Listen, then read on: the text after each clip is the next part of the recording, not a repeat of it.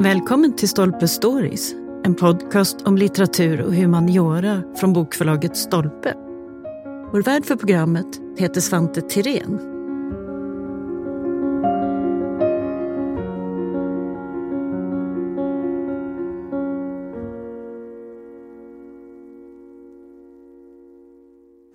Välkomna tillbaka till ännu ett avsnitt av Stolpe Stories, live här från Bokmässan i Göteborg.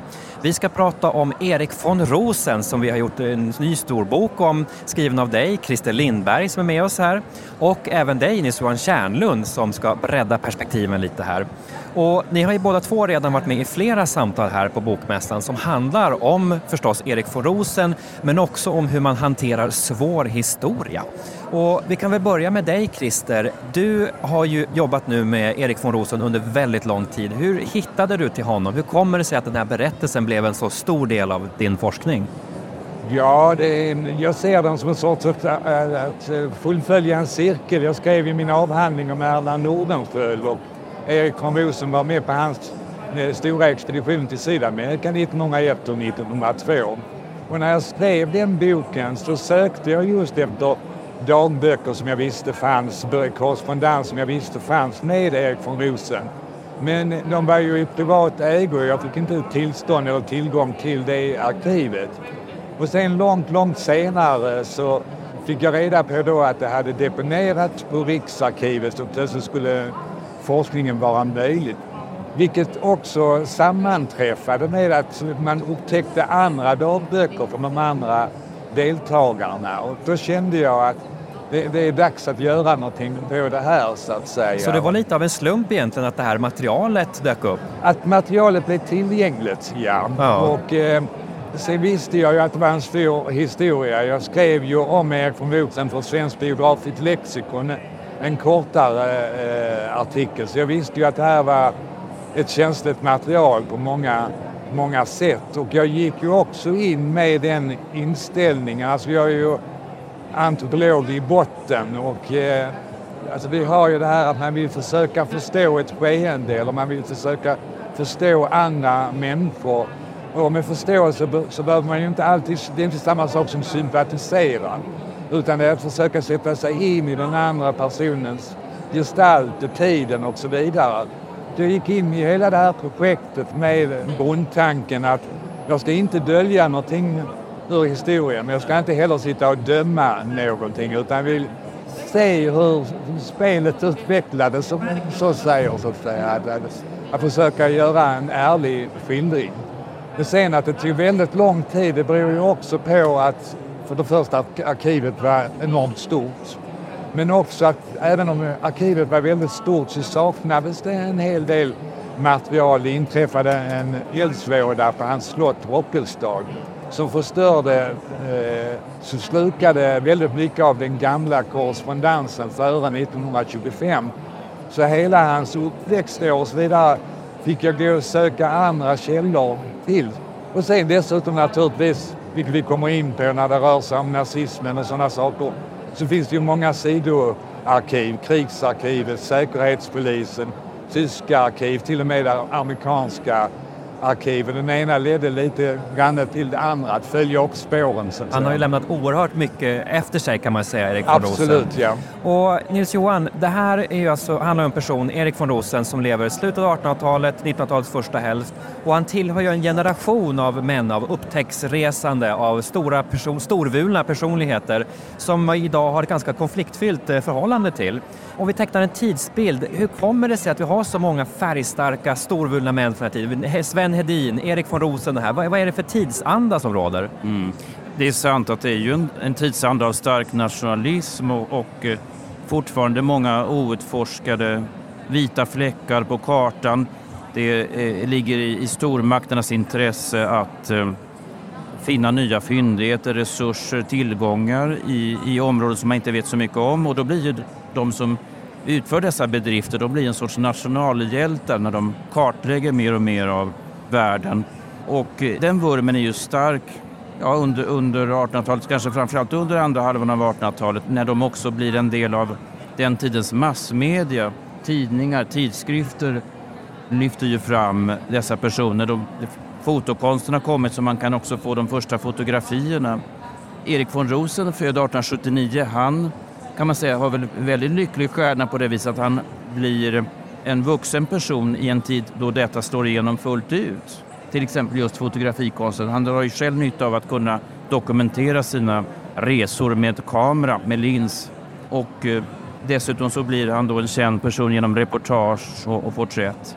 Han har ju en stark medianärvaro och som du säger, den tid där det är många tekniska, sociala, alla möjliga förändringar på samma gång. Sverige industrialiseras ju på allvar just under den tid han växer upp, alltså från 1870-talet och framåt. Stockholm växer så det knakar.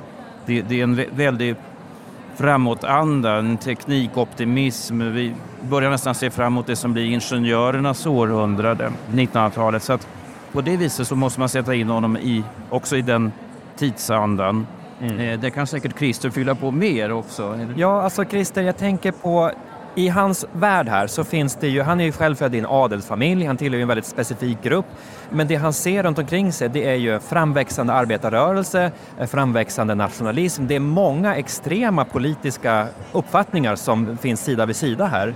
Absolut, det är ju en väldigt orolig tid på många, många sätt och det här med moderniteten blir ju också väldigt ofta ett sorts hot så att säga. Och tillhör han då liksom en konservativ livsåskådning så ser han ju hela tiden faror med detta men framför allt att saker och ting förflackas på något sätt. Eh, både politiskt men även, även socialt eh, så att säga. Och, eh, hans olika politiska ställningstaganden måste man nästan se i, i det ljuset så att säga. Det gäller sådana saker som kanske framförallt frågan. men också de olagliga strejkerna som bröts ut och, och sådana här saker. Han är emot bildandet av fackföreningar i, i Sverige, inte för att eh, arbetarna förtjänar bättre löner utan det är just när strejkerna sker så sker ju våld mot de som inte vill strejka också. Det är det som han reagerar väldigt starkt för att människor som behöver tjäna sin inkomst stängs ute från arbetsplatserna. Och sen är han ju en väldigt färgstark personlighet. Han är ju inte aldrig rädd för att ta upp de här striderna. Så han går ju liksom och talar på Folkets hus för liksom flera hundra eller tusen strejkande eh, arbetare som liksom nästan vill hänga honom i närmaste lyktstolpe. Han är modig, står där på scenen och han är en duktig talare och har också en nypa humor på något sätt. Han avslutar det hela med att han tyckte säkert väldigt illa om allt vad jag sa men jag hoppas att jag har kunnat underhålla er i en, en och en halv timme eller något sånt där. Och det kunde han ju. Men man kan ju undra också naturligtvis då över hans livsval eller karriärval för att eh, som du kanske var inne på Christer så borde ju Erik von Rosen egentligen ha gjort en mer traditionell ja. karriär. Han var högadlig, han skulle kanske ha blivit militär, han borde kanske ha, ha varit ännu mer utpräglat godsägare men visserligen, han köper ju då ett, ett gods, Rockelsta och det, är, är det ett sätt, tror du Chris, att han vill ändå smälta in också i den här klassiska bilden av vad en adelsman ska ägna sig åt? Det tror jag absolut är en del av det hela. Och han, han eh, har ju liksom, han lever och växer upp i en sorts värld där riddarideal och sådana här saker är, är viktiga. Och Rockelstad blir ju en plats där han kan iscensätta sitt liv. Åtminstone till början, med så finns det ju absolut inga bekymmer med pengarna. Eh, de finns tillgängliga. De sinar så småningom, men det blir lite svårare. Men också eh, på något sätt att eh, han är den här äventyraren, han är mångsysslaren. Det är kanske därför han aldrig kan foga sig i den akademiska världen. Vi känner honom som etnograf och upptäcktsresande. Men parallellerna till Sven Hedin är påtagliga. Att de vill inte vara inom universitetsvärlden. Han är den här mångsysslaren, han vill jaga ena veckan och och göra en expedition i nästa vecka och sen så vill han bara sitta i skogen och, och njuta av naturen. Men kan man på, kanske man på det viset kan se att även Erik von Rosen då drog nytta av den här moderna tiden för att i en något äldre generation så kunde hans mångsyssleri också ha betraktats med viss kritik i, i de kretsar han kom ifrån. Att han skulle ha varit mera, mera stabil så att säga familjefader och, och inte varit borta så mycket på resor och, och äventyr absolut inte kanske? Eller? Ja, vad säger du Christer? Jo, men det, det är absolut så. Det, det är ingen tvekan om det. det är ju intressant också, han gör ju sin första expedition tillsammans med Erland Nordenskiöld till Sydamerika. Och eh, där är ju Nordenskiöld zoologen medan Erik von Rosen ska vara etnografen. Sen sker det märkliga under resan att Nordenskiöld blir väldigt fascinerad av de indianska kulturerna man möter. Så han sadlar om och blir den som grundar Göteborgs etnografiska museum så småningom och så vidare. Men också förhållandet mellan de två där därför att Erik von Rosen köper samlingarna, sponsrar en del av expeditionen men han blir aldrig färdig att skriva de vetenskapliga rapporterna, de vetenskapliga böckerna.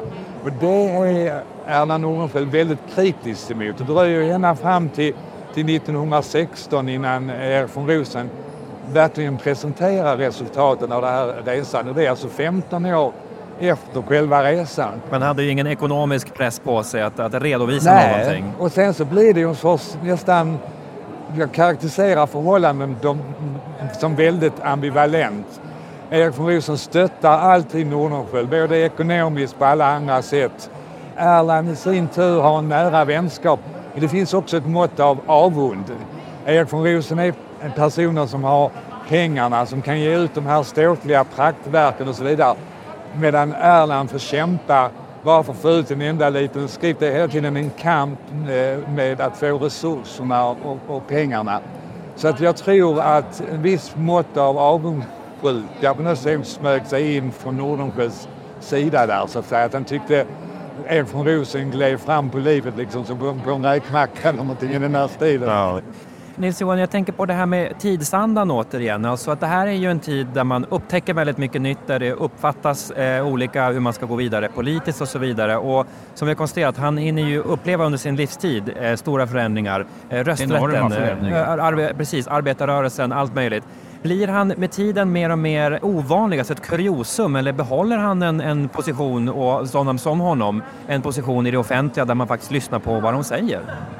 Där är det säkert så att oavsett vad han hade haft för politisk hållning så hade han kanske blivit ett kuriosum eller en, en, o, en ovanlig person. För hela den här livsstilen med, med ett gods med stor tjänarstab där man ägnar stora delar av året åt resor och där man inte behöver tänka på ekonomi. Det blir ju ett ohållbart, en ohållbar livsstil. Eh, och det finns nog många exempel på runt om i Sverige bland de gamla familjerna att det krävdes en, en ny typ av rationell förvaltning också av jordbruket och skogsbruket. Och kunde man inte det, eller var man inte så intresserad av det, så framstod man nog till sist som ett unikum. Och sen om man dessutom hade väldigt utpräglat konservativa åsikter så var man väl också rätt så sidsteppad i folkhemssverige. Alltså för, när det började bli 1940-, 50 och 60-talen.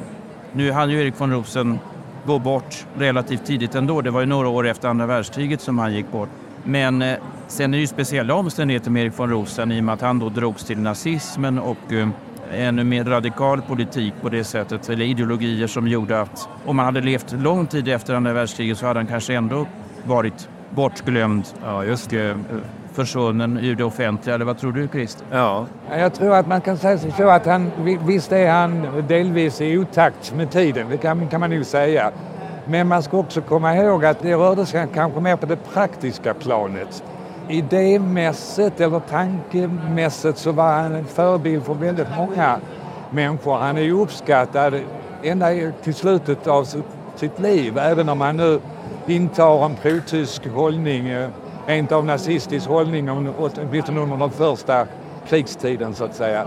Så jag tror aldrig att folks beundran för det här slottslivet som spelades upp upphörde så att säga. Men när man tittar, som jag har tittat i breven och så vidare, så ser man ju hur det sakta men säkert skalas ner och de ekonomiska problemen hopar sig.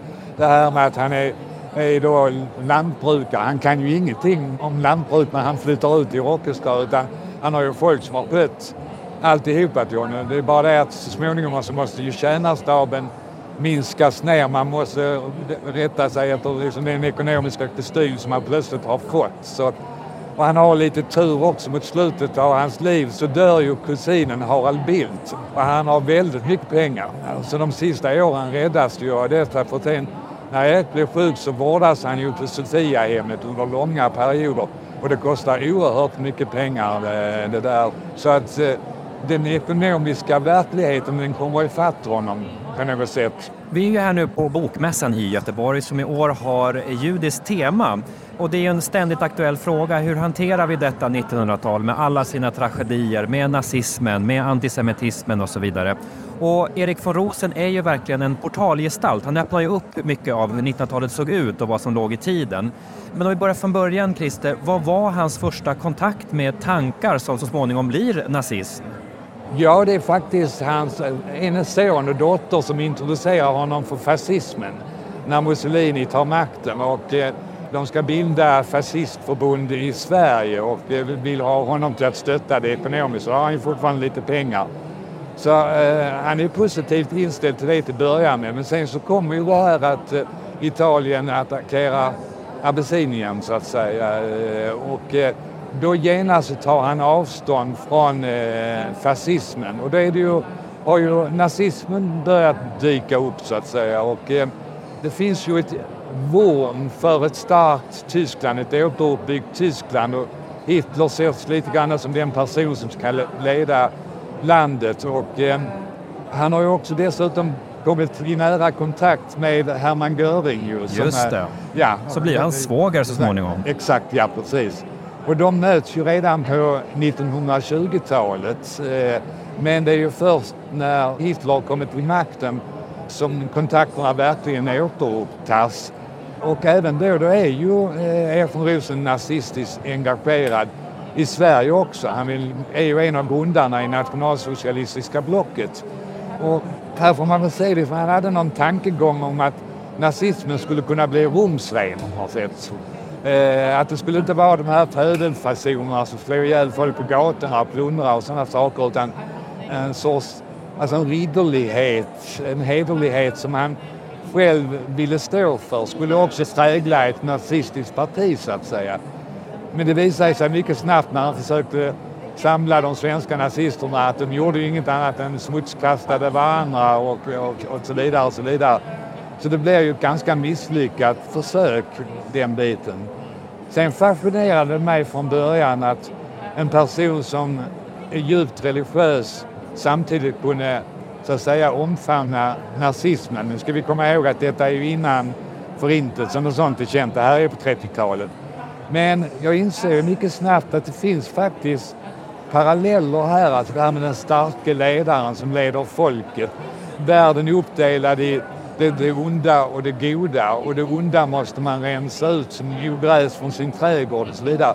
Så avståndet mellan de här tankarna är inte så långt ifrån varandra som man kanske från början tänker sig. Och eh, de som, jag har pratat med någon som har varit verksam inom kyrkan och som säger det så fort Erik von Rosen kommer på tal så ställs den här frågan. Hur, hur kunde han som var så djupt religiös samtidigt vara nazist? Och det är en viktig lärdom från den här berättelsen verkligen hur det där kan vara. Nils Johan, jag tänker på den svenska nazismen som ju var en otroligt viktig inslag i den tiden Sverige och så. Vad, vad har vi för förhållande till det här idag? Inser vi nazismens betydelse i Sverige under 1900-talet idag? Ja, det är en stor fråga egentligen, men, men det är klart att det, ju, det, det, här är en viktig pusselbit i att ytterligare förstå att det fanns eh, olika aktörer som ville etablera partier som eh, skulle kunna eh, utgöra, i vissa fall nästan kanske en, en mer självständig eller nästan en motpol till den här tyska brutala eh, varianten av, av, nazism. Att, att det, eh, för nationalismen var ju det starka här, att man, man skulle bygga någonting på patriotisk grund, att det skulle vara som Christer är inne på, en stark ledare. Det krävdes någonting som höll samman Sverige eftersom man hade onekligen upplevt väldigt mycket av slitningar, konflikter och det låg en oro i luften hela tiden för revolution eller kanske som i Finland inbördeskrig. Alltså dessa fasor som hade utspelats på nära håll ville man ju inte uppleva i Sverige. Så på ett sätt kan man förstå att det fanns de som ville skapa någon större form av sammanhållning men att den då skulle sluta i, i en, en fruktansvärt våldsam och brutal ideologi har man ju svårt att tro att någon egentligen ville eh, i Sverige. Det är ju intressant att se att Erik von Rosen, han försöker ju lite grann ibland läxa upp Hermann Göring också för de här brutala sättet att eh, förfölja eh, oliktänkande. Och han, han menar ju att man måste vara legitim, man ska följa lagen land ska med lag byggas och han eh, tar ju på sätt och vis avstånd ibland från det brutala våldet och det här pöbelväldet som blir i brev till Hermann Göring till exempel. Det citerar du i boken, Christer. Och dessutom intervenerar han, vill säga han försöker ibland hjälpa personer som kanske då har hamnat i klorna på, på den här partiapparaten i Tyskland. Pastor Niemöller är en sådan, en känd ska vi säga, fredskämpe eller demokratiförkämpe som blir fängslad i Tyskland och där Erik von Rosen också skriver och önskar att han ska friges. Mm. Christer, han hinner ju se hela världskriget. Han dör ju kort efter andra världskriget, men han hinner ju i alla fall se alla konsekvenserna. Men han gör inte någon, någon storslagen avbön eller så egentligen. Nej, och jag tror det har lite grann med hans uppväxt och positionen i samhället att göra. Han lever i den här världen att man ska hederligheten, ridderligheten ska finnas och så vidare. Man är också en adelsman. Och det här att förlora ansiktet, att på något sätt säga att allt jag har sagt tidigare är felaktigt. Eh, alltså, så långt kunde han inte gå tillbaka och därför blir eh, och det finns också sådana här sprids tidningsankor om att han skulle ha bränt Hitlers porträtt och, och, och sådana saker på gårdsplanen. Eh, och det går inte ut i offentligheten i tidningar och, eh, och skriver att om jag har fått ett porträtt som en gåva av någon eller jag har fått böcker av någon så kastar jag inte det på ett, ett bokbål. Så han gör aldrig som du säger någon offentlig avbön men det finns ju han hade ju kontakt med, med, med konstnärinnan eh, Tyra Klen och deras brevväxling är kanske den intressantaste av all den enorma brevväxling som finns. Hon var en av de få som verkligen vågade diskutera politik med honom och inte så att säga höll med om att, utan hon kunde ifrågasätta honom och så vidare. Tyvärr så slutade det med att det blev ovänskap, eh, inte med Erik men eh, med Eriks hustru Mary och, och henne blev det blev ovänner. Men i ett brev till henne skrivet 1942 i, i samband med, med att eh, och tyskarna går in i Danmark och Norge så skriver han att han tar fullständigt avstånd från hur eh, nazismen i Tyskland har utvecklat sig. Men så ändå så försöker han skriva i det där brevet att ja, det är ju inte Görings fel för Göring är ju en hederlig person. Han vill säkert Sverige väl och då kontrar naturligtvis Tyra Klen med men om nu Hitler och hans närmaste hantlangare liksom är ondskans vapen och Göring har sagt att han är beredd att följa eh, Hitler ända in i, i döden. Hur kan han då vara en, en god person? Och tyvärr så finns det inte någon uppföljning vad Erik svarar på just den kommentaren. Den hade jag ju gärna velat, velat se så att säga. Men så att, eh, inofficiellt så kan man säga att han slutar flörta med, med eh, nazism, tyska nazismen 1942. Sen är han ändå engagerad. Men för att rädda olika personer och, och sånt som dyker upp fungerar också som sorts mellanhand både för Sveriges räkning och Finlands räkning i, i de här sammanhangen. Och du var inne på det här med antisemitismen och så vidare. Alltså, man ser ju också, vilket jag tycker är intressant, hur tiderna förändras. Han skriver alltså en understrekare i eh, Sydsvenskan som har rubriken Judar och judar. Där han försöker förklara att vissa judiska familjer i Sverige har haft stor betydelse men det finns också de som försöker underminera den, den svenskheten och så vidare. Eh, och reaktionerna på detta är naturligtvis blandade. De som håller med honom tycker han har behandlat frågan på ett konstruktivt och riktigt sätt. Men han får ju också och då är ju nazismen i Sverige på, på uppgång så att säga. Så han får ju brev från ett helt antal galningar liksom också som skriver eh, ja, hur man ska eh, etablera en ny ordning i Sverige och allt vad, det innebär för någonting. Men intressant är ju också då att det kopplas hela tiden till att värna om Sverige på något sätt. För att han ger ut sina böcker på Bonniers förlag ju. Och här uppstår naturligtvis spänningar när, när han tar upp de här sakerna.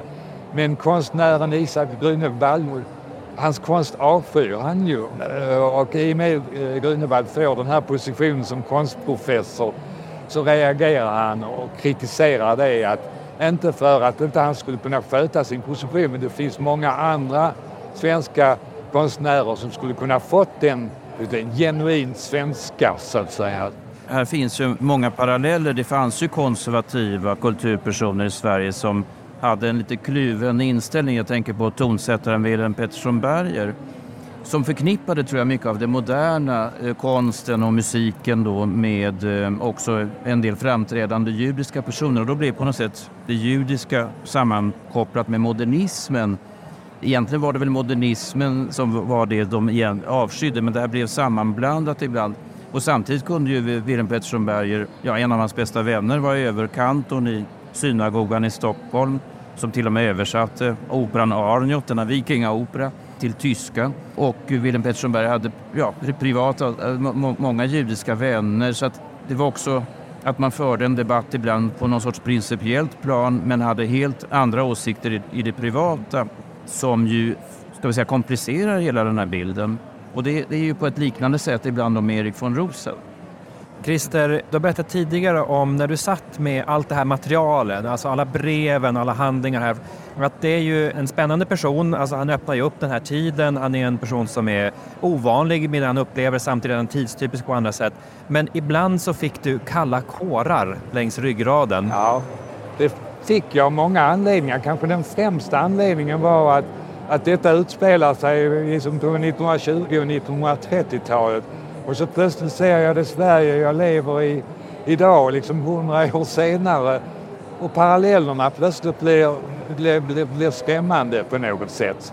Så dels samhällsklimatet och, och de saker som sker i samhället och den polarisering vi ser i våra dagar som verkligen var oerhört stark då. Så det, det gjorde att jag kände obehag.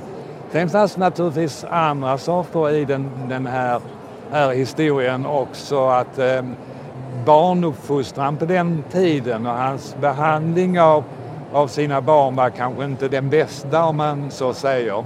De tuktades hårt och, och förväntades bli liksom samma sportstyper som han själv och så vidare efter hans dotter Birgitta, Birgitta Wolf som sen blev känd, hon levde ju upp till, till allt det här. Hon var ju pappas favoritdotter och hon älskade honom.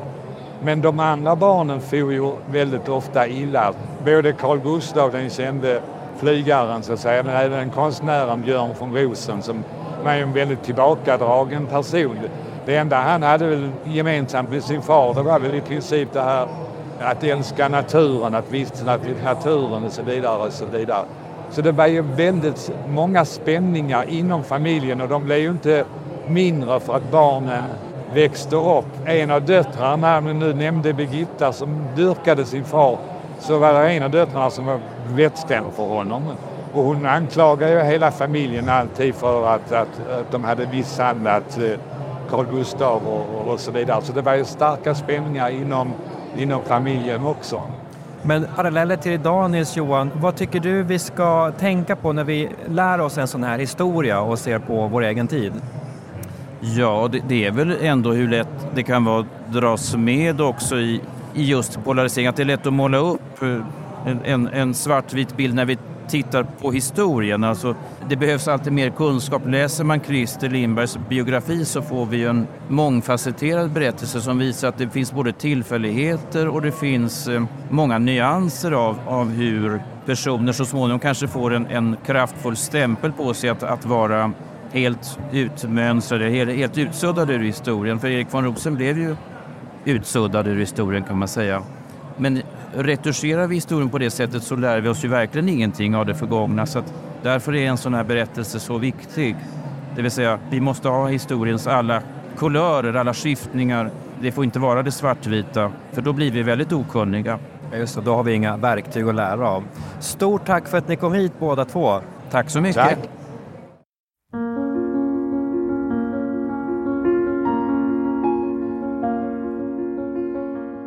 För att du har lyssnat på Stolpe Stories. Missa inte att du som lyssnar har 20% rabatt på bokförlaget Stolpes titlar hos Bokus.com. Aktivera rabatten genom att ange koden STOLPE20. Och för att lyssna på fler avsnitt, följ oss där poddar finns och på sociala medier.